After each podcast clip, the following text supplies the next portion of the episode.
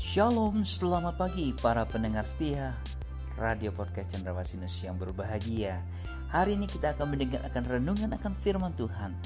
Biarlah firman Tuhan yang hidup itu akan menjadi berkat ketika Anda mendengarnya Dan rema dalam kehidupan Anda. Selamat mendengarkan firmannya.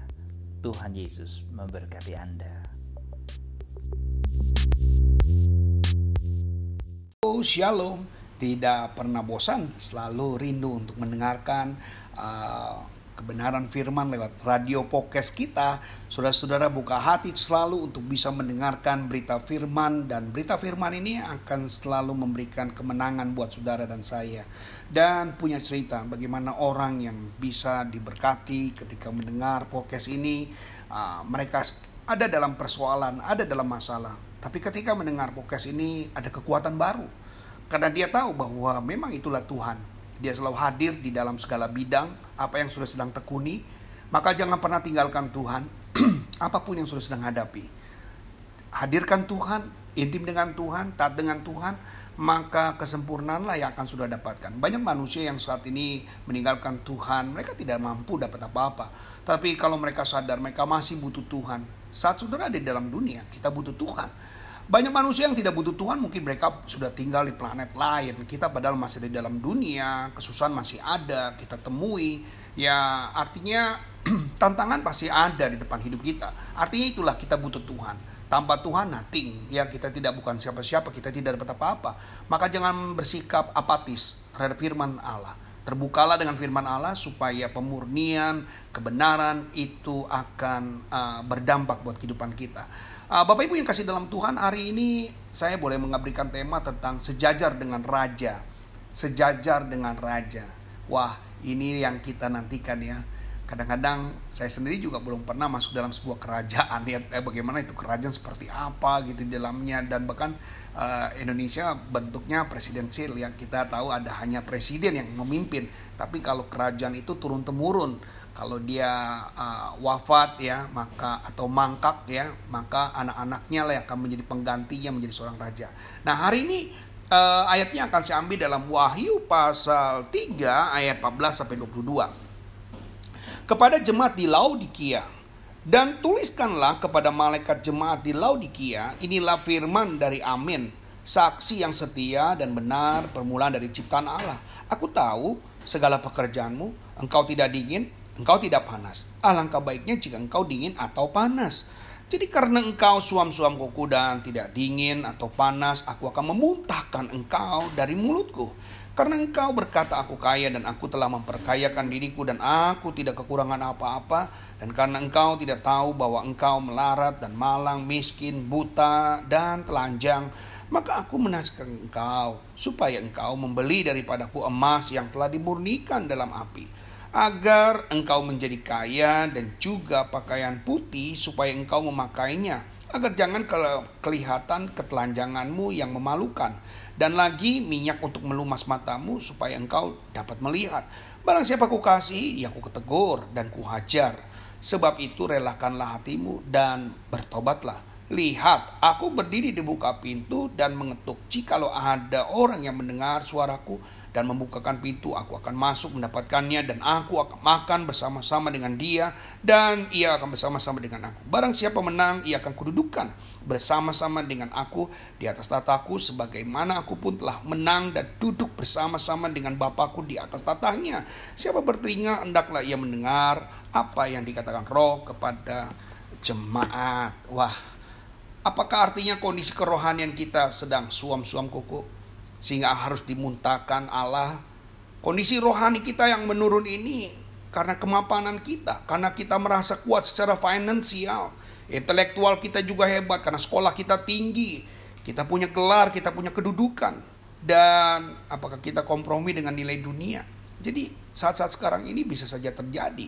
Kondisi suam-suam ini sangat berbahaya sekali.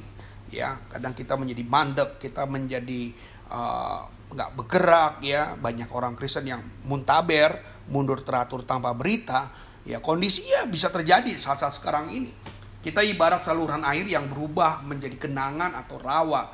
Biasanya kalau saudara melihat sebuah genangan air ya yang tidak berjalan airnya atau tidak mengalir biasanya banyak timbunan-timbunan sampah ya. Kemudian warnanya hitam lalu nyamuk juga bersarang di tempat itu dan yang paling parah adalah bau ya. Nah itulah kebiasaan-kebiasaan kalau air tidak mengalir. Maka saudara tidak akan pernah mau menjadi air yang nggak mengalir ya. Tadi saya sudah sampaikan ada ciri-ciri yang kurang baik di dalam air yang tidak mengalir. Saudara harus menjadi air yang mengalir sehingga ya pastinya disenangi ya. Kalau orang yang melihat air yang mengalir itu senangnya bukan main ya airnya bersih ya tidak berbau tidak ada nyamuk ya semuanya selesai. Sebuah relasi rohani harus dirawat secara intensional dan jadi prioritas utama. Langkah kita Yesus ingatkan dari keluar kita dari keadaan ini supaya kita disadari kerohanian kita. Harus memiliki rendah hati, akui kemelaratan kita, akui ketelanjangan kita, akui kebutuhan rohani kita, dan kita juga perlu uh, prioritas pertolongan Tuhan supaya kebenaran jubah kehidupan dari Roh Kudus yang membukakan mata kita, ya, membukakan mata rohani kita dari sebuah kebenaran. Ini yang sangat dibutuhkan gereja-gereja saat sekarang ini. Kegairahan rohani harus dikobarkan kita seperti makan uh, sedang semeja dengan Yesus. Kalau saudara sedang mengobarkan uh, kegairahan saudara, berikan waktu pribadimu dengan Tuhan, aktivitas. Jangan isi perutmu sendiri, makan sendiri, tetapi bersama. Lakukan untuk kita menikmati percakapan kita dengan Tuhan, yaitu lewat perasaan, pikiran, keinginan hati Yesus yang ada di dalam kehidupan kita. Pikiran dan perasaan Yesus yang tinggal di dalam kehidupan kita jadi Anda tidak bekerja dengan manusia, Anda tidak bekerja dengan gembala sidang, Anda tidak bekerja dengan uh, uh, pemimpin-pemimpin BPD di dalam gereja kita, tetapi Anda sedang melakukan untuk Tuhan. Biarlah apa yang Anda sedang lakukan hari ini bukan semata-mata hanya untuk mencari nama pamor atau pencitraan ya, tetapi ini menjadi satu kerinduan kita harus dikobarkan. Kita perlu kualitas, kita perlu kuantitas supaya kita bisa semeja dengan raja ya kalau kita bisa sejajar dengan raja kita bisa uh, disesuaikan dengan apa yang menjadi kerinduan Tuhan maka senang buat kita karena kita akan menjadi percakapan yang malaikat Tuhan. Kita akan menjadi percakapannya Tuhan. Kalau kita benar-benar melakukan dengan sungguh-sungguh. Inilah yang Tuhan mau. Bukankah kita adalah anak-anak raja? Bukankah kita akan menjadi otoritasnya Tuhan? Bukankah kita menjadi kepanjangan tangannya Tuhan? Kenapa? Kalau kita harus menunda-nunda, kenapa kita harus memperlambat jalan langkah kaki kita? Marilah kita jangan isi perut rohani kita sendiri, tetapi ingat kita harus sejajar, kita harus semeja dengan Yesus bersama-sama. Karena ini adalah pekerjaan Tuhan, maka pekerjaan Tuhan harus dikerjakan bersama dengan Tuhan. Sekali lagi, ini pekerjaan Tuhan, maka kita perlu bekerja bersama, berjalan juga dengan Tuhan. Kalau ini adalah pekerjaan Tuhan, Anda merasa berjalan sendiri-sendiri, berarti Anda salah dalam mengartikan kehidupan. Ingat, pekerjaan Tuhan harus undang Tuhan. Pekerjaan Tuhan harus ajak Tuhan bersama-sama supaya prestasi-prestasi yang kita boleh ciptakan itu bukan karena kita tetapi Tuhan Yesus yang selalu sertai. Berapa banyak yang saudara hari ini mengalami bahwa sudah sering kerjakan sendiri, lakukan sendiri, sehingga saudara merasa lelah, tidak ada yang menghargai, tidak ada yang menghormati, dan membuat saudara menjadi ya kadang-kadang menjadi malas ya. Kadang-kadang menjadi marah atau kepahitan atau juga kesedihan. Kenapa saya sudah melayani Tuhan tetapi kok tidak ada yang berterima kasih? Kenapa saya sudah melayani Tuhan? Nah inilah yang sering kali terjadi dan ingat ajak Tuhan untuk saudara bisa melayani Tuhan supaya engkau tidak dimuntahkan.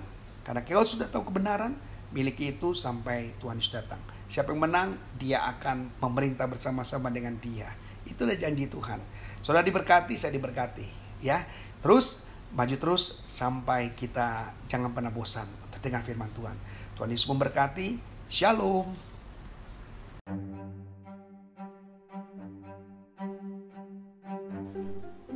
Terpujilah bagi nama Tuhan.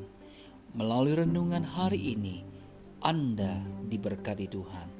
Dalam suka maupun duka, di atas gunung atau di lembah, dalam tangis ataupun tawa, dalam berkat maupun percobaan.